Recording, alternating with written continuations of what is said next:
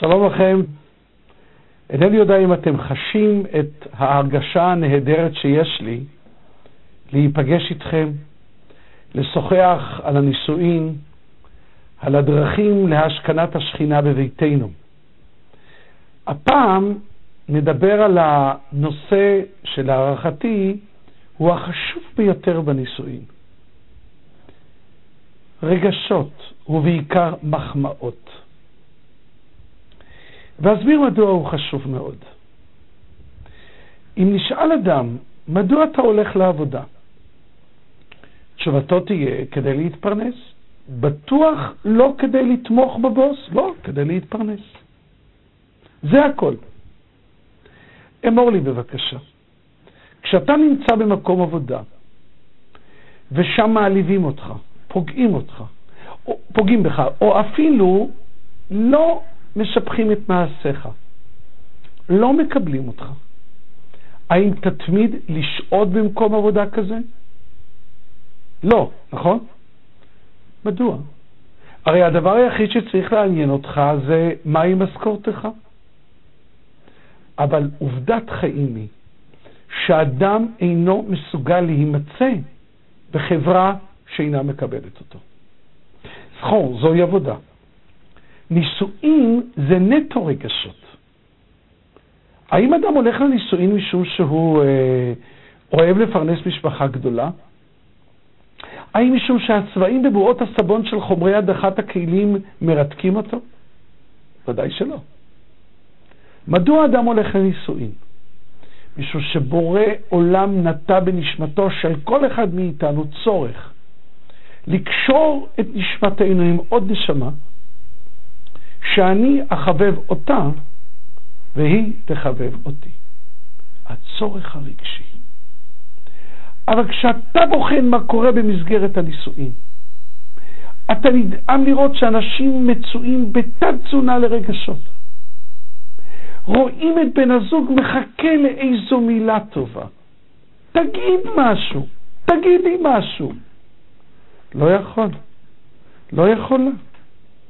זה לא אני, זה לא אמיתי. איזה אכזריות יש לאנשים, לא לכם, לאנשים אחרים.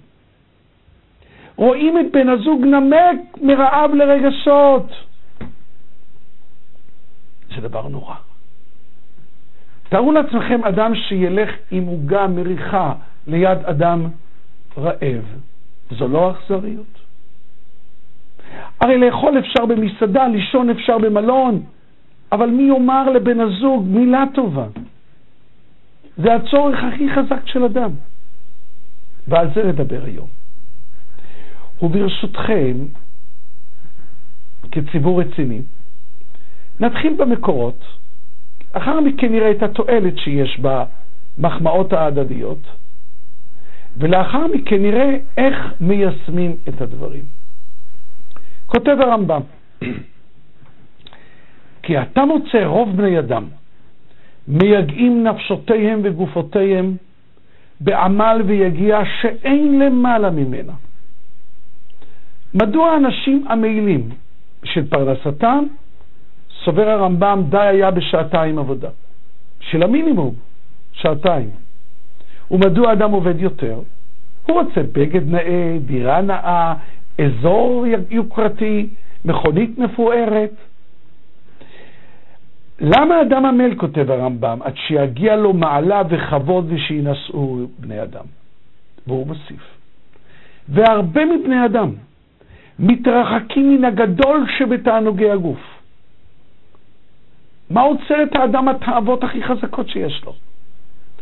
מיראתו שישיגהו מזה חרפה ובושת בבני אדם, או שמבקש שיהיה לו שם טוב. אומר הרמב"ם, המניע המרכזי של האדם זה כבודו.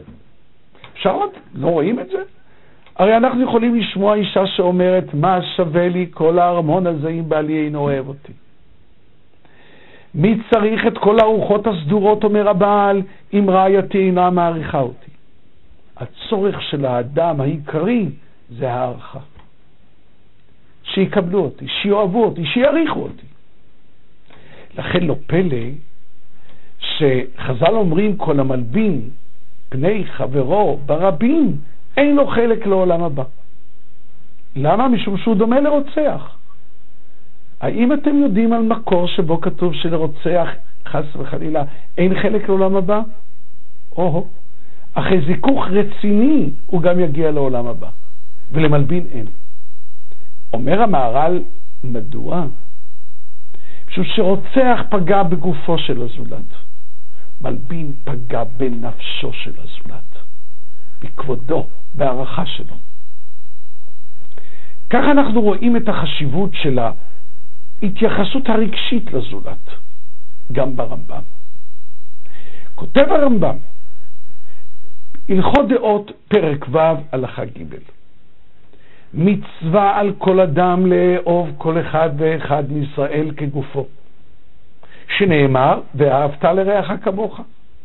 והרמב"ם מתחיל למנות איך מקיימים את המצווה.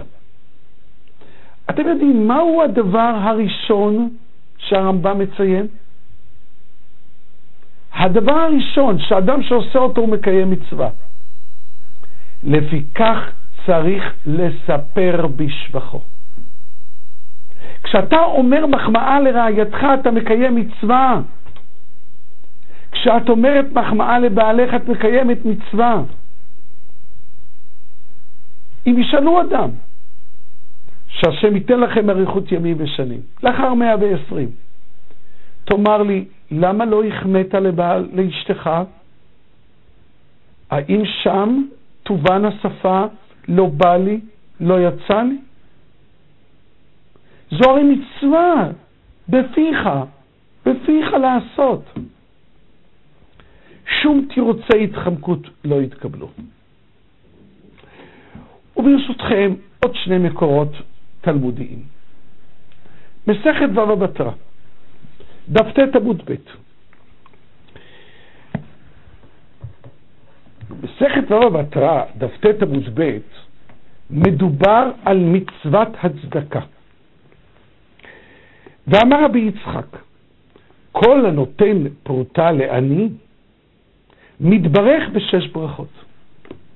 אדם כבול לחומר, לכסף. הוא מאוד כבול לכסף, ולכן אומר המהר"ל, לחומר הזה קוראים כך משום שאדם נחשף עליו.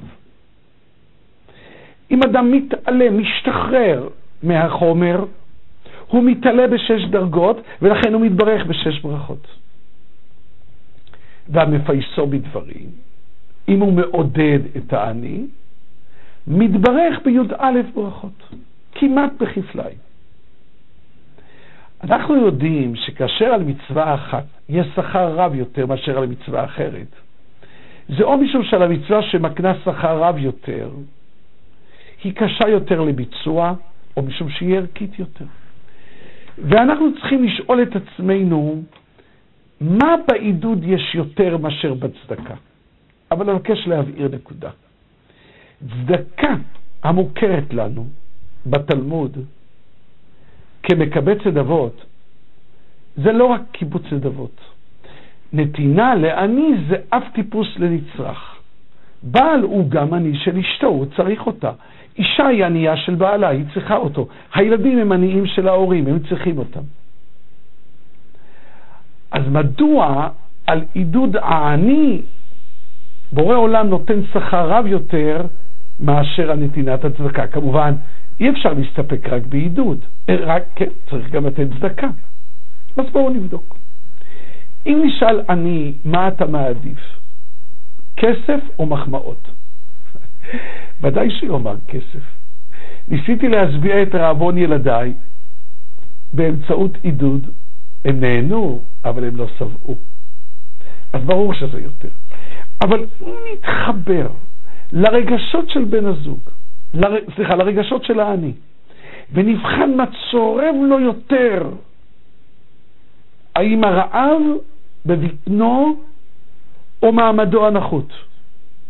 מעמדו הנחות. ולכן עידוד חשוב יותר מאשר צדקה. אבל לא רק זאת. אם נשאל אישה, מדוע את מכינה אוכל לבעלך? בשבילך? בשבילו? ודאי שבשבילו. מה, אני אבשל שעה וחצי כדי שאני אוכל חמש דקות? כן, את עושה את זה בשביל בעלך, וכשאת נותנת לו את האוכל, את מבטאת לו, לבעלי האהוב והיקר, או שאת נותנת לו, לא מכעס חס וחלילה, אבל עם תחושה, אתה שם לב כמה קשה לי? הרי את עושה את זה בשבילו, תני לו תחושה כזאת. מתברר שיותר קל להכין אוכל מאשר לחייך, מאשר להחמיא, מאשר לעודד. נשאל בעל, בשביל מי אתה עובד?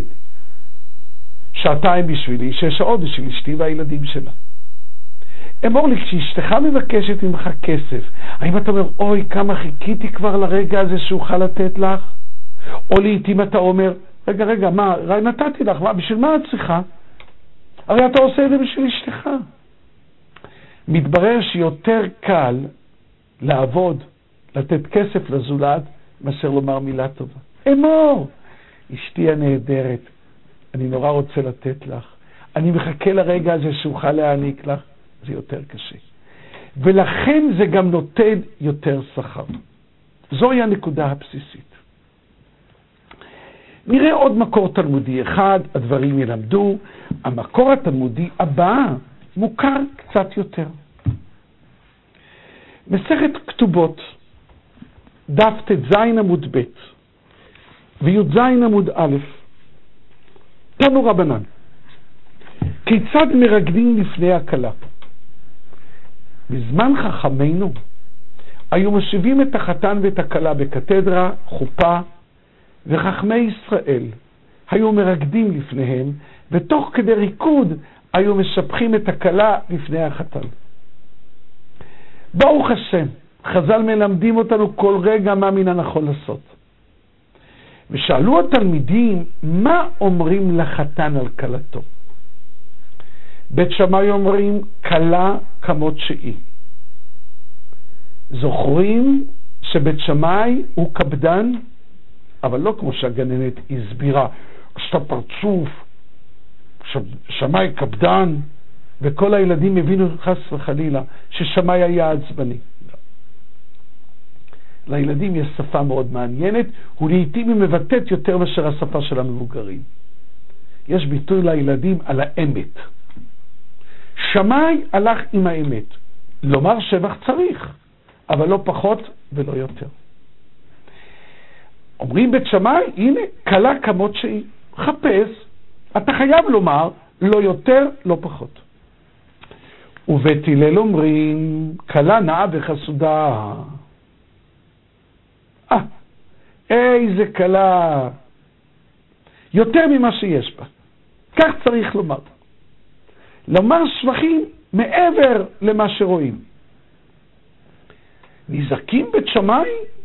אמרו להם בית שמאי לבית הלל, הרי שהייתה חיגרת או סומה.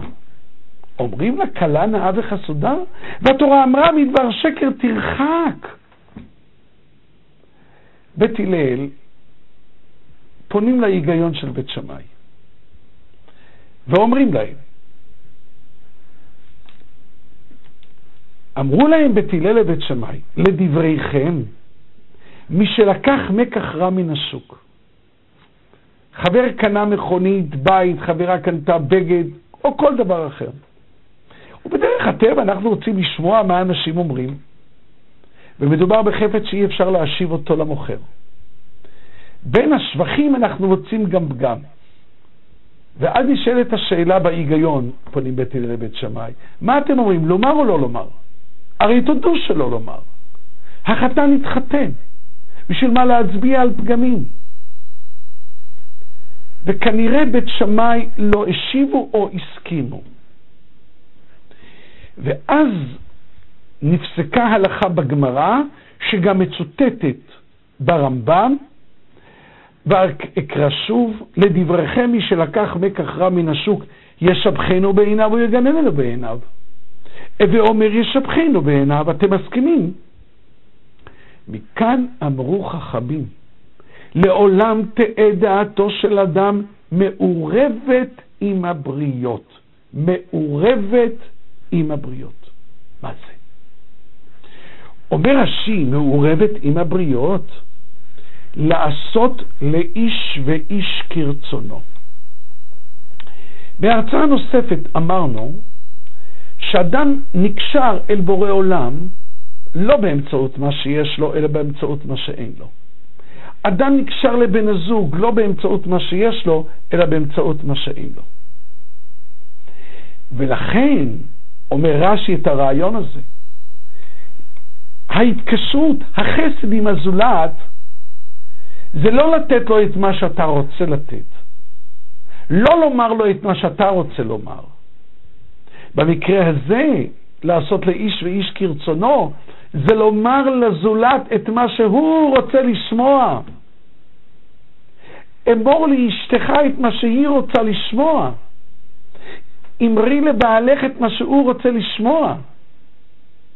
הרי זה דבר כל כך אווילי לומר את מה שאני רוצה לומר. הרי הצורך שלו הוא המקשר. תן מאית, תני אלפית, אבל את מה שבן הזוג רוצה לקבל ואת מה שבן הזוג רוצה לשמוע. זוהי בעצם השיטה הנכונה של הנישואין, ואת זאת לימדה אותנו הגמרא. עכשיו יכולה להישאל השאלה, האם אין בכך שקר?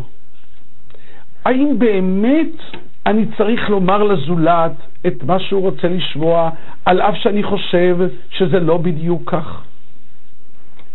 אז קודם כל המהר"ל אומר, לומר לזולת את מה שהוא רוצה לשמוע זה לא שקר. להטעות אותו זה שקר. אבל הרב דסלר מתייחס לנושא. הרב דסלר, בספרו מכתב מאליהו, חלק א', עמוד 94, כותב כך: ההבנה הראשונית שהייתה לנו הייתה שמה זה אמת ומה זה שקר תואם למציאות.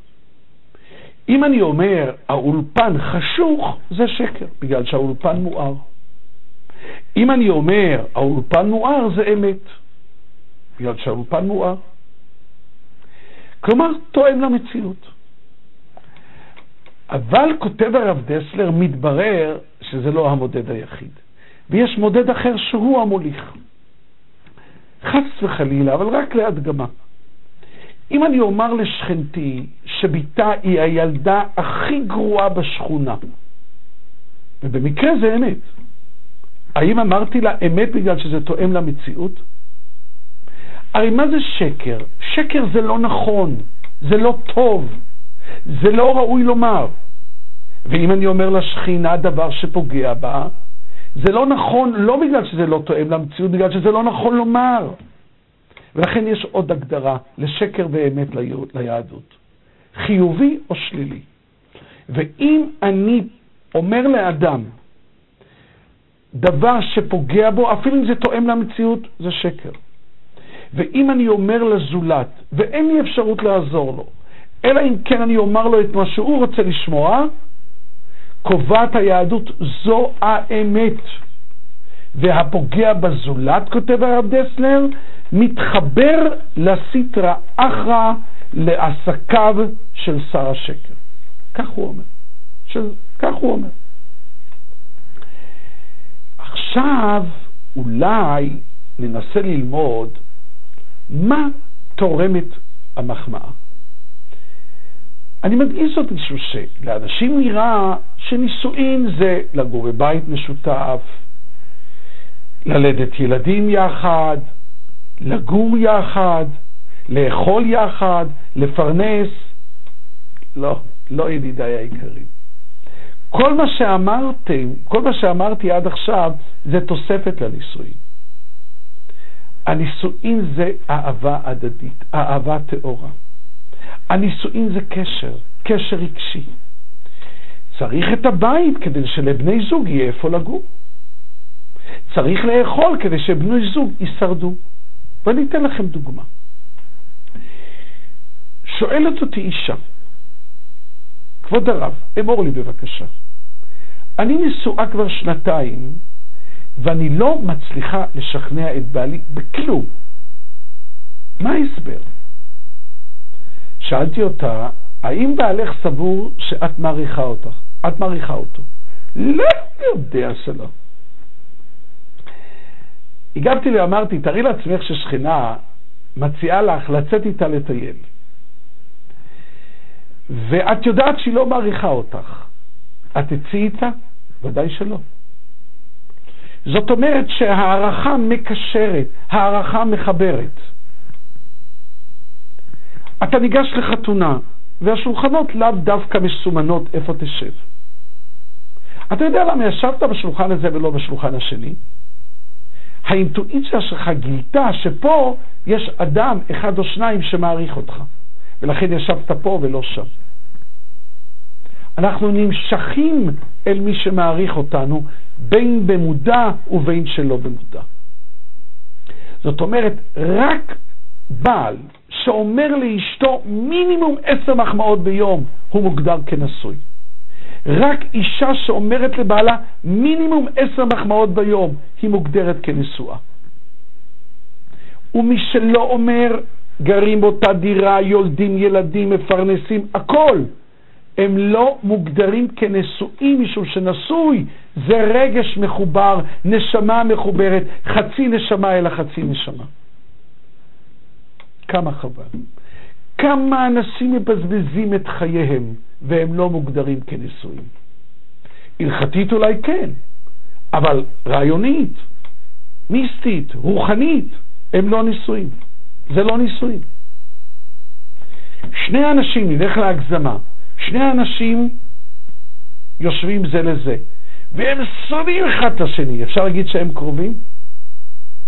שני אנשים יושבים בארצות אחרות, והם אוהבים אחד את השני, אפשר לומר שהם קרובים. זוהי הנקודה המרכזית. אנחנו נמשכים אל מי שמעריך אותנו. לא רק זאת, כל מה שנעשה, האם יהיה לנו קל או קשה, תלוי בהערכה אלינו. ניקח. נתאר לעצמנו שמישהו מבקש ממך שתעשה משהו עבורו. זה יהיה לך קל או קשה?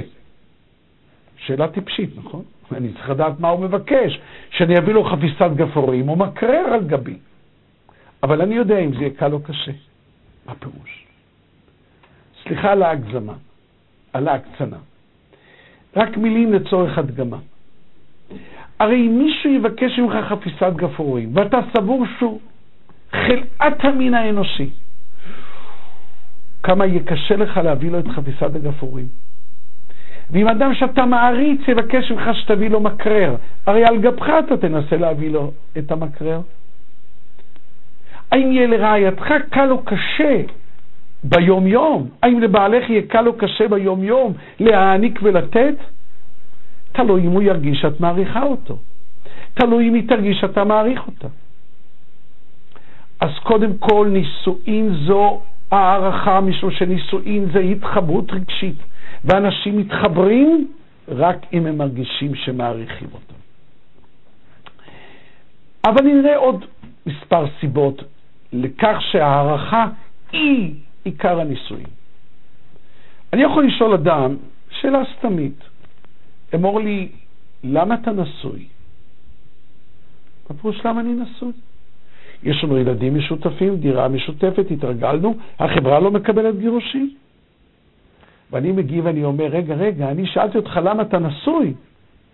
אתה רק מסביר לי למה אתה לא מתגרש. בעצם זה כמו שכתוב בתורה. האם נאמר בתורה טוב להיות יחד? כתוב רק לא טוב היות האדם לבדו. קורא לזה דוד המלך, מוציא אסירים בכושרות. עולם כובל את בני הזוג באזיקים כדי שלא יוכלו להיפרד.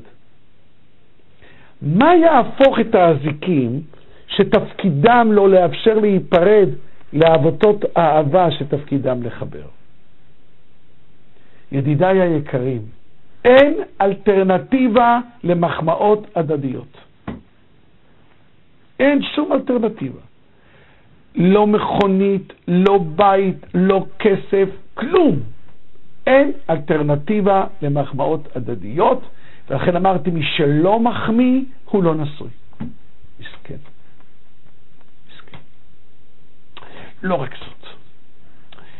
מחמאה בעצם מעודדת עשייה. תארו לעצמכם דוגמה. נניח שאני מגיע לאיזה בית ורואה נורה כפויה. ואני אומר לבעלת הבית, אולי את מוכנה להרשות לי להחליף לך את הנורה? לא, לא, כבוד הרב, בעלי הבטיח שכשהוא לא יהיה עייף הוא יחליף אותה. אמנם זה כבר שנה, אבל הוא יחליף בסוף. רגע, אולי הוא באמת עייף, אני שואל. הוא עייף? אז מדוע אצל אימא שלו הוא מחליף? אה, אצל אמו הוא מחליף. את שמעת מה אמו אומרת לו לאחר החלפת הנורה? הרי נותנת לו תחושה שהוא המהנדס הראשי של התעשייה האווירית. נדמה לי גם, תקנו אותי אם אני לא אומר נכון, האמא אומרת, כפרה, נשמה שלי, מותק שלי, חמוד שלי, הוא מחכה שהנורה תישרף. מה את מגיבה אחרי שהוא החליף את הנורה? ברוך השם, סוף סוף, הגיע הזמן, זה כל כך קל, מה המתנת? יש עוד נורה. רגע יום אומרת לי, אני לא צודקת? את צודקת, אבל את בחושך. ראי את אמו, היא רחמה, ולכן היא באור. אני לא עוזר כאן לבעל, אני עוזר כאן לאישה. להביע, להתעורר, לא לחכות. אם הוא ידבר אליי יפה, אם היא תתנהג אליי יפה, אז אני. ליזום. בעלך הגיע הביתה, תאמרי לו כמה עצמך שהוא הגיע. אתה מגיע הביתה, אמור לרעייתך כמה אתה שמח לפגוש אותה. מה אתה רדום? תאמר, לעשות את זאת. אני אבקש לומר שהנקודה הזאת היא מעבר לזוגיות. הרי מה קורה? ילד ששומע כל הזמן, אתה לא בסדר, את לא בסדר, הממשלה לא בסדר, העירייה לא בסדר, השכנים לא בסדר, הכביש לא בסדר, המורה לא בסדר. יכולים להיות הורים עמידים מאוד. לשכן את בנם במרכז של גן ורדים, הילד תקוע בקוצים. כלומר, אני מקווה שאתם תסכימו איתי. הדבר הכי חשוב שהורים יכולים להקנות לילד שלהם זו ראייה חיובית על העולם. הבן יגדל, יתבגר, יצא לעמוד בכוחות עצמו. אם תהיה לו ראייה חיובית, לכל מקום שהוא ילך, טוב לו, שמח לו, נחמד לו. וילד ששמע כל הזמן את הוריו, זה לא טוב, זה לא טוב, זה לא טוב.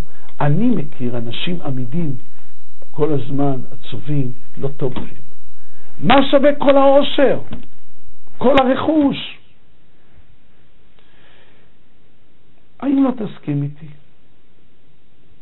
שבעצם מה שיקבע אם לבנים שלך יהיה טוב, מה שיקבע אם הבנים שלך כשיתחתנו יחמיאו, זה אם הם ראו אותנו מחמיאים. יכול להיות שאנחנו מחמיאים בחדר, בחדרי חדרים.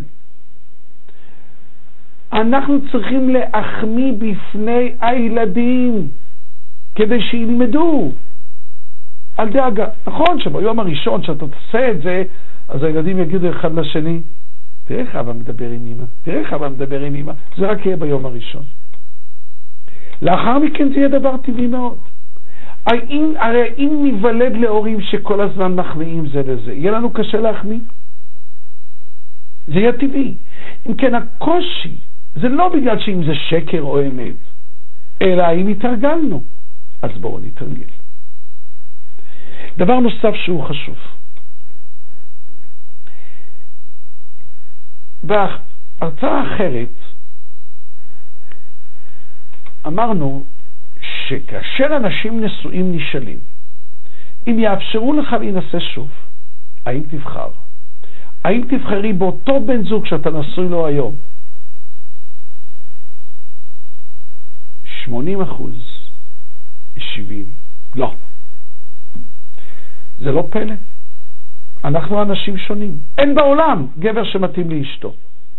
נישואין זה לא נישואין בין שני אנשים מתאימים. נישואין זה בין שני אנשים שאינם מתאימים, שיש להם תנאים להיות מתאימים.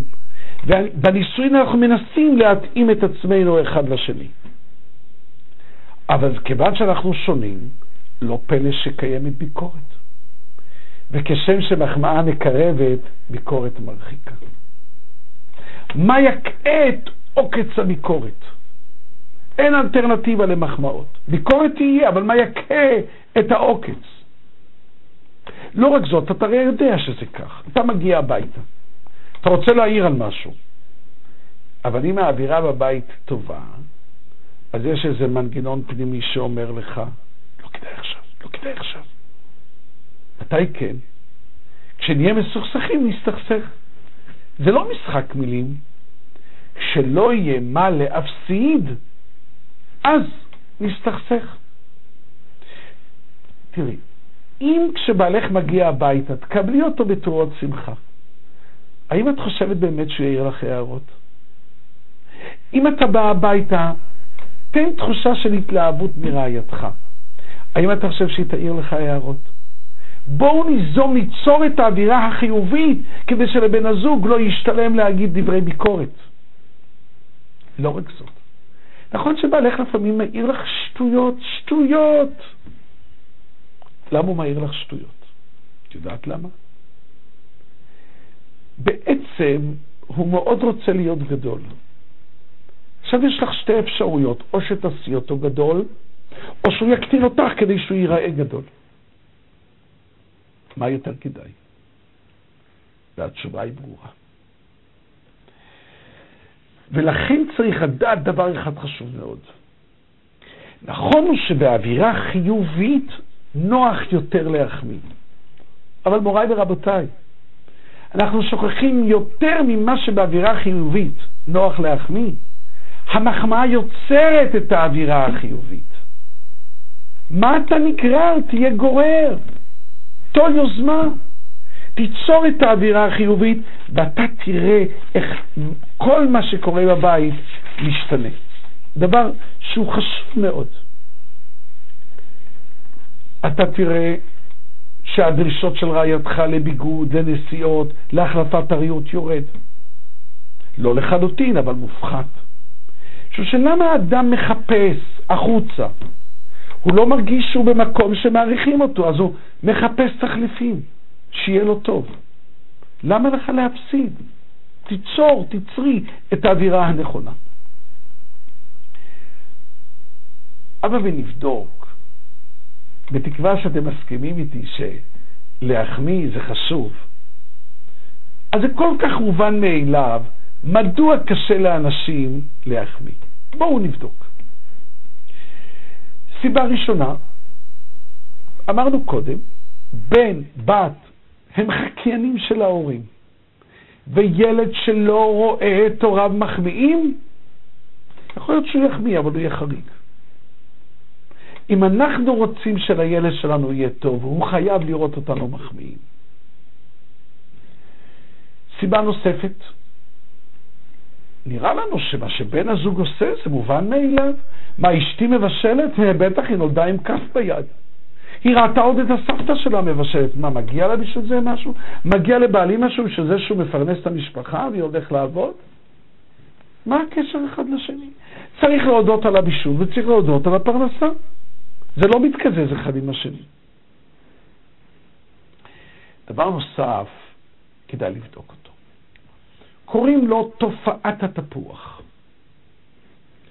מה זה תופעת התפוח? אם נבדוק אצל עצמנו, נגלה שאנשים מחמיאים. זה לא נכון להגיד שהם לא מחמיאים. לפקיד בכיר אנחנו מחמיאים. או למשל, שאלתי פעם גבר, אמור לי, אתה מחמיא לרעייתך? הוא אמר לי, לא. שאלתי אותו מדוע לא. אני מצטט אותו עם קצת שינוי, כדי שזה יהיה יותר עדין.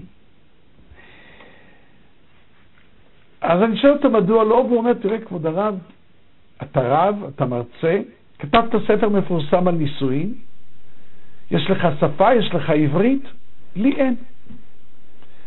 אז אשתו מתעשתת ואומרת, ואומרת, לך אין? כשאתה רוצה ממני ארוחה טובה, אתה נהיה לי רב, מרצה, משורר, סופר, עיתונאי מילון. מה אין לך? מה קורה? אנחנו, כשאנחנו רוצים להשיג הישגים, קל לנו להחמיא, ואנחנו באמת מחמיאים. אמרנו לפקיד, לבן הזוג, ואז נכנס למוחנו המחשבה שמחמאה זה, זה, זה לא כל כך אמיתי, זה קצת שקר. ומה זה תופעת התפוח? ראו, אתה מקבל פרי שלא מוכר לך. אתה שואל מה ברכתו, ואתה מברך עליו, נוגס, ולוקח לך כמה שניות עד שאתה קולט את הטעם. מדוע התופעה הזאת לא קיימת בפרי מוכר? למה בפרי מוכר אני מיד קולט את הטעם? בגלל שהטעם הוא לא מהפרי הזה. הטעם זה מהזיכרון שזוכר מה טעמו של פרי מהסוג הזה. עכשיו, מה יקרה, סליחה, אבל רק בשביל הדוגמה, מה יקרה אם הפעם הראשונה שנאכל פרי לא מוכר, זה יהיה במקום עם ריח לא נוח, בבית סוהר. כל פעם שנגיע לאכול את הפרי הזה, הזיכרונות יעלו. ולכן, כיוון שמחמאה פעמים רבות מאוד נאמרת למען האינטרס האישי, ולכן אנחנו עצמנו, בתת מודע שלנו, זה נקלט שמחמאה זה לא אמיתי, אז לנו עצמנו קשה להחמיא בגלל שאנחנו בכל זאת אנשי אמת, ואנחנו לא רוצים להגיד דבר שהוא לא אמת. שכחנו שזה מצווה מהתורה. מה הפתרון? פשוט. מה זה תופעת התפוח החיובי? אם לראשונה כשאכלנו את הפרי החדש, זה היה באווירה חיובית, ריחות נעימים, אווירה של חברות נחמדה, ואז כל פעם שנגיע אל הפרי מחדש, יעלו הטעמים מחדש. הקשב לעצה היא מצוינת. אם אתה תעשה מאמץ להחמיא יותר בזמן שאתה לא רוצה להשיג הישגים, מאשר בזמן שאתה רוצה להשיג הישגים. אתה תראה שגם אם תחמיא בזמן שאתה רוצה להשיג הישגים, זה יתקבל כאמת. בגלל שהרי החמאת גם בזמן שאתה לא רוצה להשיג הישגים. והטעות היא שמחמיאים רק בזמן שרוצים להשיג הישגים. אז כאמור, אחת הסיבות שלאנשים קשה להחמיא, בגלל שבתודעה זה נשמע כלא אמיתי. טעות, זה מצווה מהתורה, זה יכול להיות נחשב לא אמיתי. סיבה נוספת היא, קשה לאנשים לקבל, אבל תחרות. יש תחרות סמויה לא מורגשת בין בני זוג. אני מיד נבדוק. מה קורה, קשה לך להחמיא, נכון? זה שקר, זה לא אמיתי, נכון? אנחנו רואים ילד זוחל. מה אנחנו אומרים לו? אתה רץ, אתה רץ, אתה משיג אותי.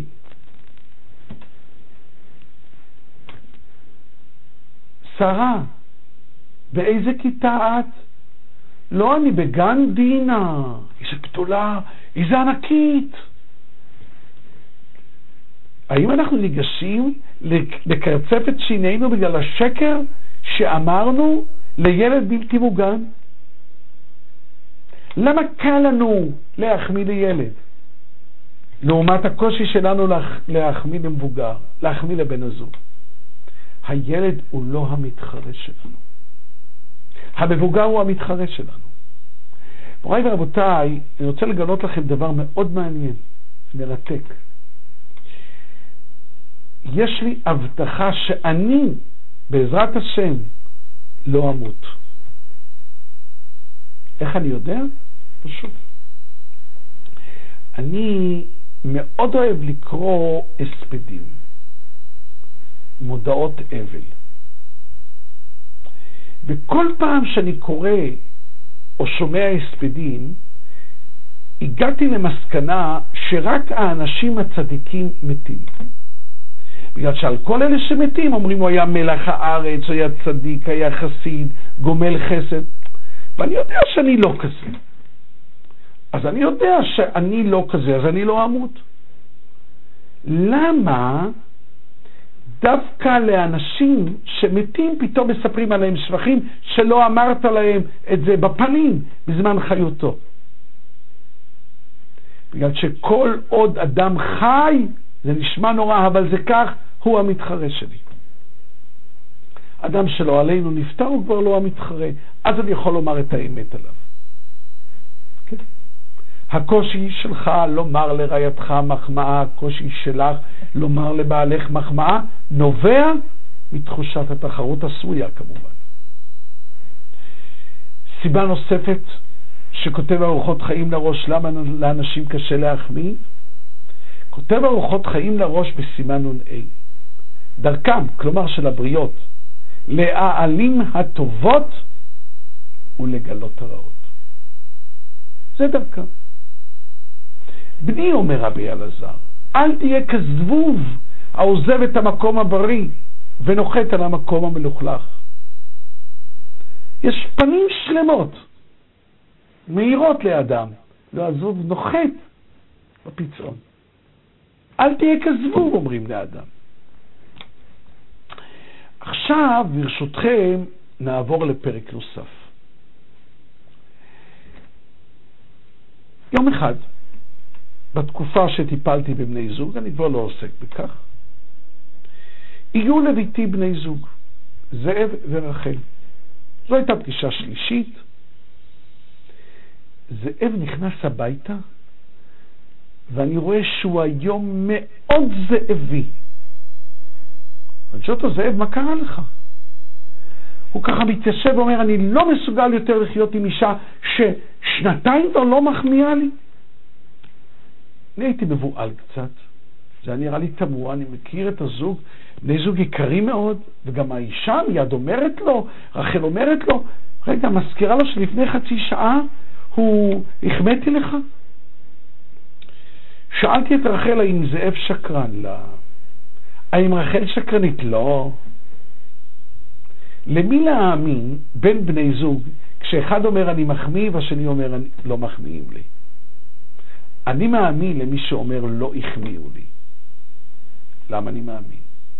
הרי מה תפקידה של המחמאה? שתיאמר או תישמע? ואם רעייתך סבורה, אתה בטוח שאתה החמאת, יש לך הקלטות. אם רעייתך סבורה שאתה לא מחמיא, פירושו של דבר שזה נחשב כאילו אתה לא החמאת מעולם. זוהי הנקודה הבסיסית שאתה צריך לקחת אותה בחשבון. אבל מאוד חשוב שנבדוק מדוע זה כך, שכל אחד חושב שהוא מחמיא המון והשני חושב שהוא לא מקבל. כדרכנו ללמוד, ללמוד את הנושא בצורה רצינית. יש משנה בפרקי אבות, יכבוד חברך חביב עליך כשלך. הפירוש מובן, התנא אומר לנו, תתייחס לכבודו של הזולת כמו שאתה רוצה שיתייחסו לכבוד שלך. אבל רב חיים מוולוז'ין, תלמידו של הגאון מווילנה, אומר עוד פירוש נחמד. מה זה יכבוד חברך חביב עליך כשלך? כשאני נותן כבוד למישהו, אני אומר, נתתי לו פי עשר יותר ממה שמגיע לו. וכשנותנים לי כבוד, אני אומר, נו נו, נתנו לי עשירית ממה שמגיע לי. אומר הטענה, תתייחס, תמדוד את הכבוד שנתנו לך לא לפי אמת המידה שלך, אלא לפי אמידת, אמת המידה שלו. אבל נשתמש בזה גם לצורכנו. מדוע אדם נראה לו שהוא נותן והמקבל נראה לו שהוא לא מקבל? אולי בהזדמנות נרחיב בצורה יותר רחבה, אבל הפעם נסביר בקצרה. המוח שלנו זוכר הכל. כשאת מחמיאה לבעלך, נניח שאת אומרת לו אתה חכם, מה רשום לו בזיכרון? בעלי אמר, אשתי אמרה עליי שאני חכם. מה רשום בזיכרון שלך? החמאתי לבעלי, וזה היה לי מאוד קשה להחמיא לו. גם אני לא חושבת שזה נכון מה שאמרתי לו. אמרתי לו עליו שאני לא חושבת שזה נכון. ובכלל, אני מחמיאה לו והוא לא מחמיא לי. וגם חם היום. וגם לא מגיע לו. כל זה נרשם במחשב שלך.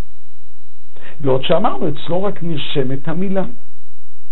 קח בחשבון שגם אם נראה לך שאתה מחמיא המון, אצל בן זוג, אצל בן הזוג שלך, זה נראה מעט מאוד. ולכן אם אתה רוצה שפעולת המחמאה תעזור, אתה צריך להחמיא לפי מה שהוא חושב, לא לפי מה שאתה חושב. אבל יש עוד סיבות שאנחנו חשים שלא מחמיאים לנו. אתם מכירים את האמרה שיואב אותי כמו שאני. מה הפירוש מבחינה פסיכולוגית שיואב אותי כמו שאני? פירושו, בעלי, על מה שאני אוהבת את עצמי, אין לי צורך שתאהב אותי, זה יש לי.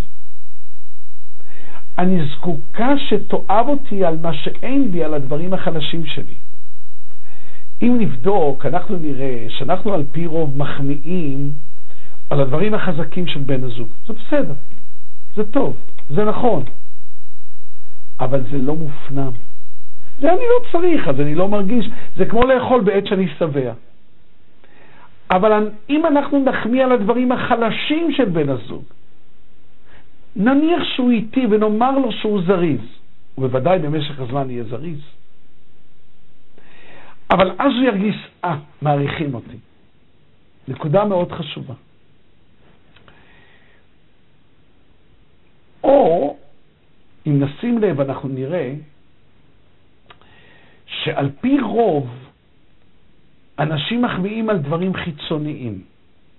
למשל, אני שואל אדם, אתה מחמיא לרעייתך? הוא אומר לי כן. מה למשל אתה אומר לה? אם היא מבשלת טוב, אני אומר לה שהיא מבשלת טוב.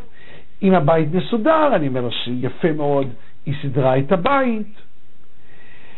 אם היא מסודרת, אני אומר לה שהיא מסודרת. אם היא טורחת ועמלה, אני אומר לה שיפה מאוד מה שהיא עשתה. אז אני אומר לו, אני מבין ממך שאתה אומר לה שהיא סוס עבודה טוב. שואלתי, רגע, למה? בוא תשים לב מה אמרת. היא מכינה אוכל, היא מסדרת, ומה עם מחמאות על האישיות הפנימית? אתה רוצה שרעייתך תחיה עם התחושה שאתה מחמיא לה, מעריך אותה? שבח את רעייתך, שבחי את בעלך על מידות טובות, על איפוק, על סלחנות, על הבנה פנימית. תיקחו דוגמה, נניח שאדם אחד אומר לך, אתה לבוש, ואדם אחד אומר לך, יש לך לב טוב. איזה מחמאה מתקבלת אצלך יותר? הרי ברור שלב טוב. לכן צריך להחמיא על דברים חיצוניים, אבל בעיקר להתמקד על דברים פנימיים.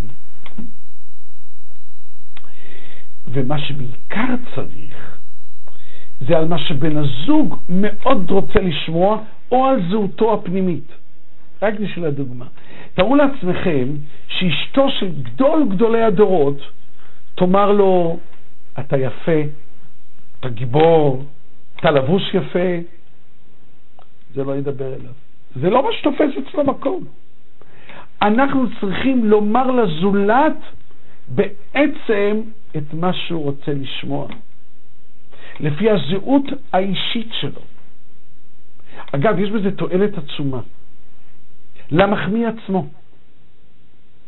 אתם סולחים לי אם אני משתמש במילים בוטות, רק לתועלת, על פי רוב אני לא מדבר כך. אתם מסכימים איתי שאם בעל יאמר לאשתו חצי שנה, סליחה, את מטומטמת, את מטומטמת, את מטומטמת. הוא הרי השתכנע שהיא כזאת. היא גם, אבל הוא השתכנע. ואיזה תחושה יש לו? שהוא חי עם אישה ירודה. איך אומר רב נחמן מברסלב? אם אתה מאמין שאפשר לקלקל, תאמין שאפשר לתקן. הרי אם תשבח את רעייתך ושוב תשבח, ושוב תשבח, ושוב תשבח, אתה עצמך תשתכנע. ואז יש לך תחושה נהדרת, יש לי אישה טובה, יש לי אישה חכמה, יש לי אישה נבונה, אתה עצמך תשיג מהעניין, זה הרבה יותר טוב. ועוד כמה עצות להפנמת המחמאה. איך על פי רוב, נגיד בעל משבח על האוכל? את יודעת, האוכל מאוד טעים. תגידי לי, מה שלום תמי? אז זה לא, בקושי המחמאה נקלטת. אם אתה למשל תשב ותאמר, האורז אחד-אחד, העוף נהדר, וכך הלאה, זה יופנם, זה יופנם.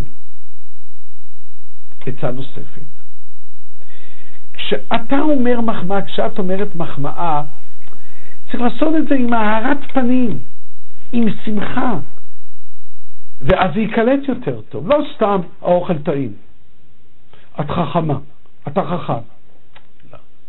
עם הארת פנים. דבר נוסף שיעזור זה, אם כבר לקחנו דוגמה של אוכל, תאר לעצמך שלעת ערב אתה חוזר ואתה אומר, את יודעת, הארוחה היום הייתה נהדרת. או למשל, את שנה אחרי שהוא התקין את המתקן, את אומרת לו, אתה נהדר. אתה יודע כמה אני נהנית מהמתקן שהתקנת? עכשיו זה יופנם לתוך אישיותו. מוריי ורבותיי, יש גם מחמאות עקיפות. לאלה שנוהגים לקרוא בן הזוג בשמו. לא כל העדות נוהגים, ומי שלא נוהג לא צריך לשנות את מנהגו. כותב הרב דסלר, אדם אוהב את שמו. אתה בא הביתה, אתה יכול להגיד שלום, אבל הרבה יותר טוב שתאמר שלום רבקה. את אומרת שלום לבעליך, הרבה יותר טוב שתאמרי לו שלום משה. נפרדים, מזכירים את שמו. כך כתוב בתורה, ויקרא השם אל משה, זה ביטוי לחביבות הזכרת השם.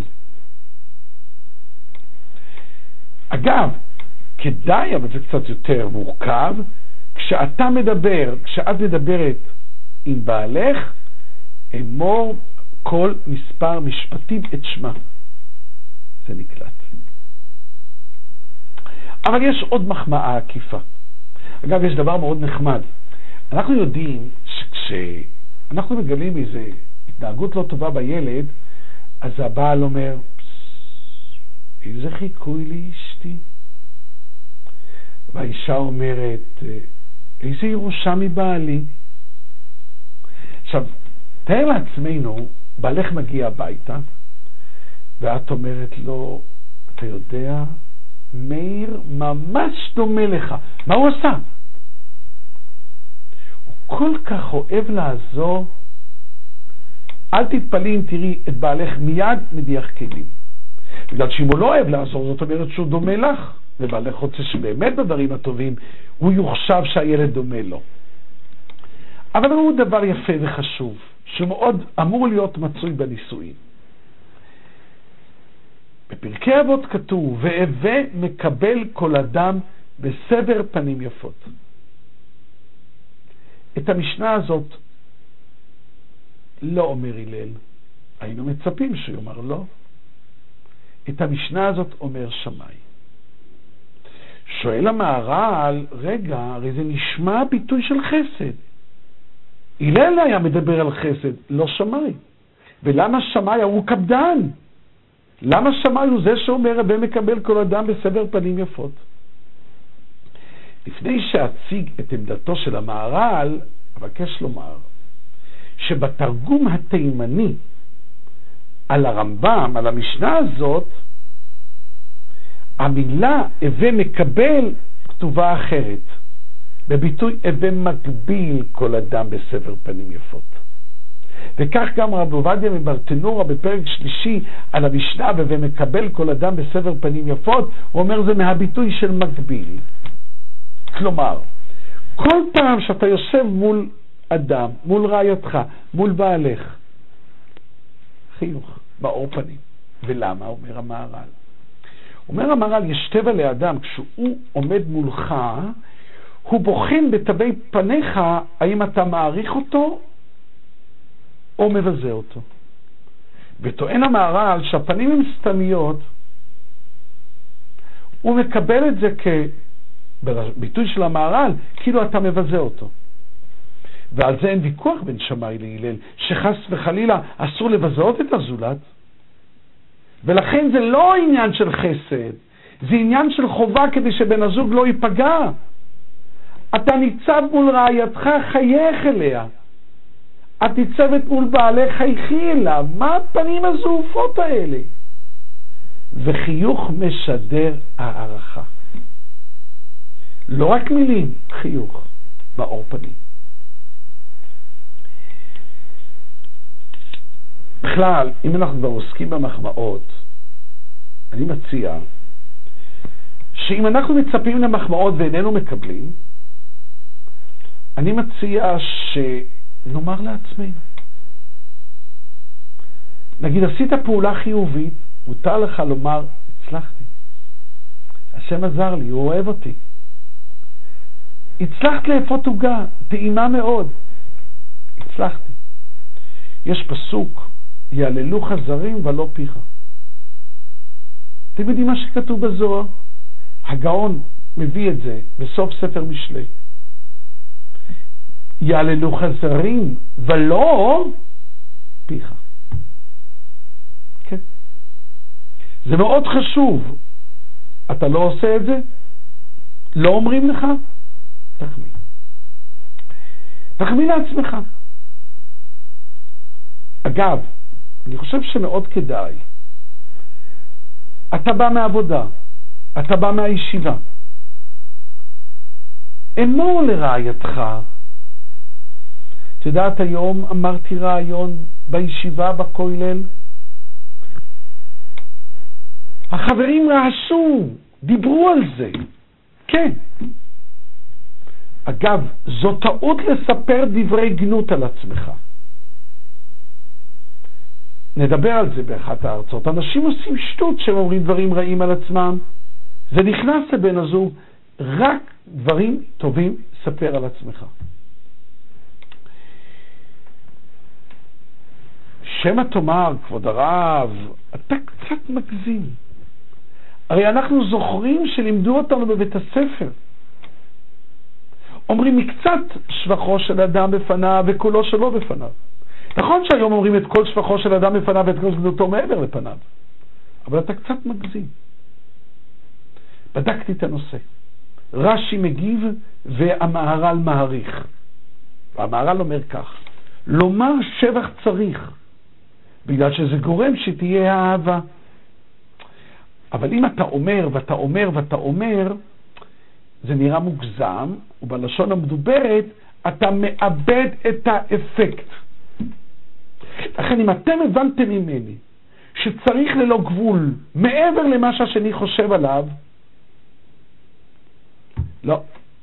אל תאמר לבן הזוג מעבר למה שהוא חושב על עצמו. אבל על אחריותי. עד שאתה תצליח לומר לבן הזוג מעבר למה שהוא חושב על עצמו, יעברו שנים, תקופות, אמור, אמור, אמור, כדי שנתאחד, כדי שנאהב, כדי שנרגיש נשמה אחת.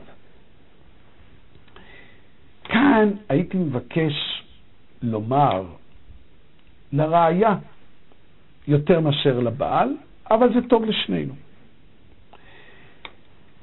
יום אחד אני שואל אדם, אתה מחמיא לרעייתך? הוא אומר לי לא. אני שואל אותו, מדוע לא? אז הוא אומר לי, אשתי דיכאה לי כל רצון להחמיא לה. הופתעתי קשות. שאישה תדכא רצון של בעל להחמיא? לא יכול להיות. וכשהוא ראה את התמיהה בפניי, הוא אומר לי, כבוד הרב, אני, אני זוכר אפילו את התהליך. אני מוכן לספר. טוב, ספר לי. ואז הוא מספר כך. יום אחד אנחנו יושבים לאכול, ורעייתי דווקא יודעת לבשל היטב. ואני אומר לה, רותי, המרק מעולה. לא, אתה סתם רעב. זה מוכר, אה? טוב. יום אחד היה איזשהו חיכוך. רעייתי מתפייסת רק כשאני מביא לה איזה משהו מתנה. הלכתי, טרחתי, עמלתי, והבאתי לה חלוק יוקרתי, כמו שהיא אוהבת. אורו עיניה, הוציאה מהעטיפה, ניירה את שולי הגלימה, ואמרה, תגידי, מה בדיוק קרה? ועד העובדים חילק חלוקים, מה בדיוק קרה? וכך יום אחד אני מביא בידי פרחים, נותן לה, והיא אומרת, תגיד, הרוכל בפינת הרחוב לא נתן לך להמשיך ללכת ללא אגודת פרחים? פניתי לאישה ושאלתי אותה, זה יהיה נכון לומר שכשאת אמרת לא, אתה רעב, בעצם התכוונת לומר, תגיד עוד פעם? היא אומרת, נכון. אז מה קרה? עד שידרת לו, תגיד עוד פעם מה הוא קלט, אשתי לא אוהבת מחמאות. תביני, גבר הוא טכני, הוא לא מבין רמזים, הוא לא מבין למה את מתכוונת. זה קורה לך. לפעמים את רואה שאוהב אותך, אז מה את אומרת לה? אתה לא אוהב אותי, נראה לא אוהב אותי, נכון? משתגע לגמרי. רגע, כשאני לא אוהב אותך יש לך טענות, כשאני אוהב אותך יש לך טענות. תגידי, זה יהיה נכון לומר שכשאת אמרת שוועד העובדים חילק חלוקים, הרי את יודעת שהוא לא עובד בחברת חשמל, ועד העובדים מחלק כאלה חלוקים? אלא רצית שהוא יאמר לא, זה משום שאני מעריך אותה. נכון. ושוב, עד שידרת לו, תגיד עוד פעם, הוא קלט, אשתי לא אוהבת מחמאות. כאן הייתי מבקש לומר דבר חשוב מאוד שהוא מעבר להרצאה של היום. הרי אם אחרי השיחה הזאת בעלך יחמיא לך, ואת תאמרי לו, אה, אתה אומר את זה בגלל שהרב אמר להגיד, איבדנו את התועלת. אבל לא רק זאת. אם נבדוק אצל עצמנו, אנחנו נראה שאנחנו משבחים, אנחנו נראה, ש... סליחה, אנחנו נראה שאנחנו מנסים לקדם את בן הזוג בעיקר באמצעות ביקורת. ובעת הביקורת האוזניים אטומות. מה יהיה אם אנחנו ננצל הזדמנויות שבן הזוג עשה דבר חיובי, ואנחנו מאוד נשבח אותו על כך. מוריי ורבותיי, אנחנו מאבדים פעולה אדירה.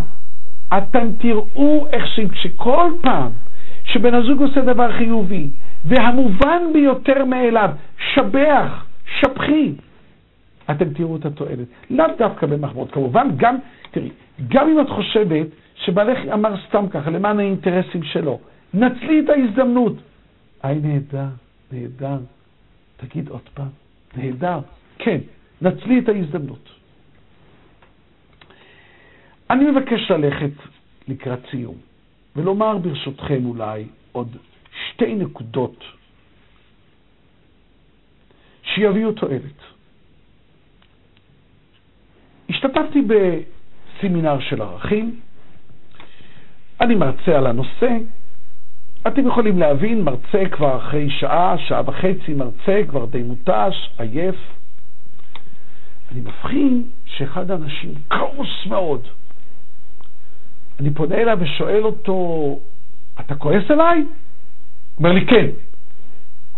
למה אתה כועס עליי? אני מתחרט שהבאתי את אשתי לסמינר. למה? עכשיו היא תרים את האף. עכשיו היא תרים את הראש. אמרתי לו, שאלתי אותו, תגיד, יש לך ניסיון? הוא אומר, כן. עובדה, כל פעם שאני מחמיא לה, היא מתחילה לדרוש דרישות. אמרתי לו, תראה, אני אומר לך את ההסבר לכך. אתה לא הולך לקראת רעייתך, אלא אם כן אתה רוצה להשיג ממנה הישגים. היא לא פסיכולוגית, אבל המוח שלה הוא גאון, של כל אחד מאיתנו. עכשיו, נרשם לה במוח זהות שאם אתה מחמיא לה, עכשיו אתה רוצה להשיג ממנה הישגים. ואז מה שאומר לה במוח, עכשיו זו הזדמנות להשיג ממנו מה שאני לא משיגה תמיד, הוא צריך אותי. אבל אם אתה תחמיא באופן קבוע, אין רמזים.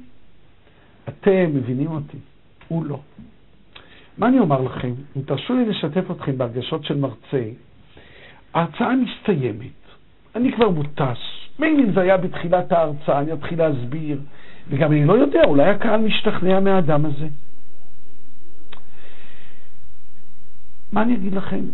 פתאום קם אחד, סליחה, מגיב אחד ואומר, כבוד הרב, הוא צודק. שאלתי אותו, תאמר לי, מדוע אתה אומר שהוא צודק? לא הייתי צריך להגיב, עשיתי טעות. כבוד הרב, תן לי להגיב שתיים, שלוש דקות, אני אוכיח שהוא צודק. היהודי הזה קם, פונה לקהל, ואומר, מוריי ורבותיי, לפני שלושה חודשים הייתי בהרצאה של הרב הזה. מאוד התרשמתי.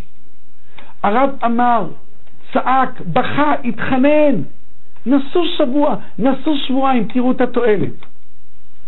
אמרתי לעצמי, מה יכול להיות? שבוע, שבועיים, יש חמישים שבועות בשנה.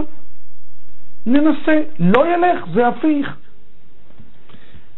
הלכתי לקראת רעייתי, החמאתי לה, האזנתי למצוקותיה, קניתי לה מתנות, ואשתי הרימה את האף שלי.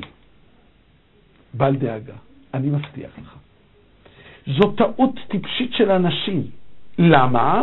בגלל שהניסיון אומר להם, כשאני החמאתי לרעייתי, דרשה דרישות, זה משום שאתה לא עושה את זה באופן קבוע. וגם לך אני מבקש לומר ראיה. את רוצה להחמיא, אבל את חוששת שבעלך יבין שאת, שאת מתכוונת יותר מכך, ולכן את לא מחמיאה. אבל אם את תחמיאי באופן קבוע, אין סימנים, אין רמזים. האווירה נהדרת, זה מה שצריך לעשות. אבל ונחזור למקורות. סבא וסבתא מאוד יקרים היו לנו, אברהם ושרה. רב שמשון רפאל הירש מגדיר אותם כזוג האוהבים בספר בראשית. איזה אהבה תורה וקדושה, טהורה וקדושה. והנה דבר מאוד מעניין, ורבי ומורי הרב וולד היה חוזר על התהליך הזה כל פעם כשהיינו לומדים חומש. מלאכי עליון מגיעים לבקר אותם. מהי השאלה הראשונה שהם שואלים? מלאכי עליון, איה שרה אשתך. אין למלאכי עליון במה להתעניין. איה שרה אשתך? אומר רש"י לחבבה על בעלה. אברהם אוהב, אבל בורא עולם רוצה עוד יותר, עוד יותר, בגלל שבכל מקום שיש אהבה, יש שכינה, יותר אהבה, יותר שכינה. אבל לא רק זאת. ואני מתנצל אם אני לא מצטט במדויק, בעצם צריך היה לקרוא את זה מתוך החומש. ואברהם ושרה זקנים באים בימים. ושרה, ותצחק שרה בקרבה לאמור. החבלותי הייתה לי עדנה, ואדוני, כלומר אברהם, זקן.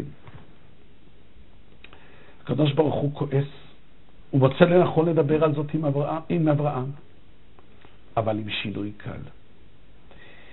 הקדוש ברוך הוא שינה, הוא בעת שהוא סיפר מה שרה אמרה, במקום לומר ואדוני זקן, שהיא אמרה עליך, הקדוש ברוך הוא אמר, היא אמרה ואני, כאילו על עצמה זקנתי. אתם יודעים דבר מעניין? תחפשו ולא תמצאו, לא כתוב בתורה ששרה אמרה. כן. ותצחק שרה בקרבה. מדוע אני מדגיש זאת? בגלל שכששוטר עוצר נהג ואומר לו, אדוני עצור, אתה יודע שלא מתכוון אדוני. הוא אדון שלך, אתה באמת כך מרגיש? למה אתה מנופח, שוטר? אבל כשאדם חושב בלב, כשהוא חושב בלב, אומר על שייח הקדוש, אדוני. כלומר, היא מתייחסת לאברהם שהיא השפחה והוא האדון שלה. תראו איזה קשר בין בני זוג שאנחנו צריכים לחקות את הקשר הזה. אז שימו לב, הם זקנים, הם אוהבים, ושרה לא אומרת, רק חושבת, הוא בדרך כבוד, והקדוש ברוך הוא שחותמו אמת, משנה את המילים, ובמקום לומר, ואברהם זקן ואני זקנתי.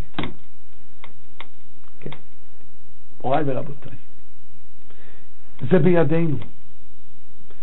קשה לך, קשה לך, זה רק בגלל שלא נולדנו להורים שכך מדברים. אני מבטיח לכם, בואו ננסה. תיטול יוזמה, תני יוזמה. ביום הראשון, ביום השני, בן הזוג לא יחזיר בחזרה. אבל אט-אט אתם תראו את התוצאה.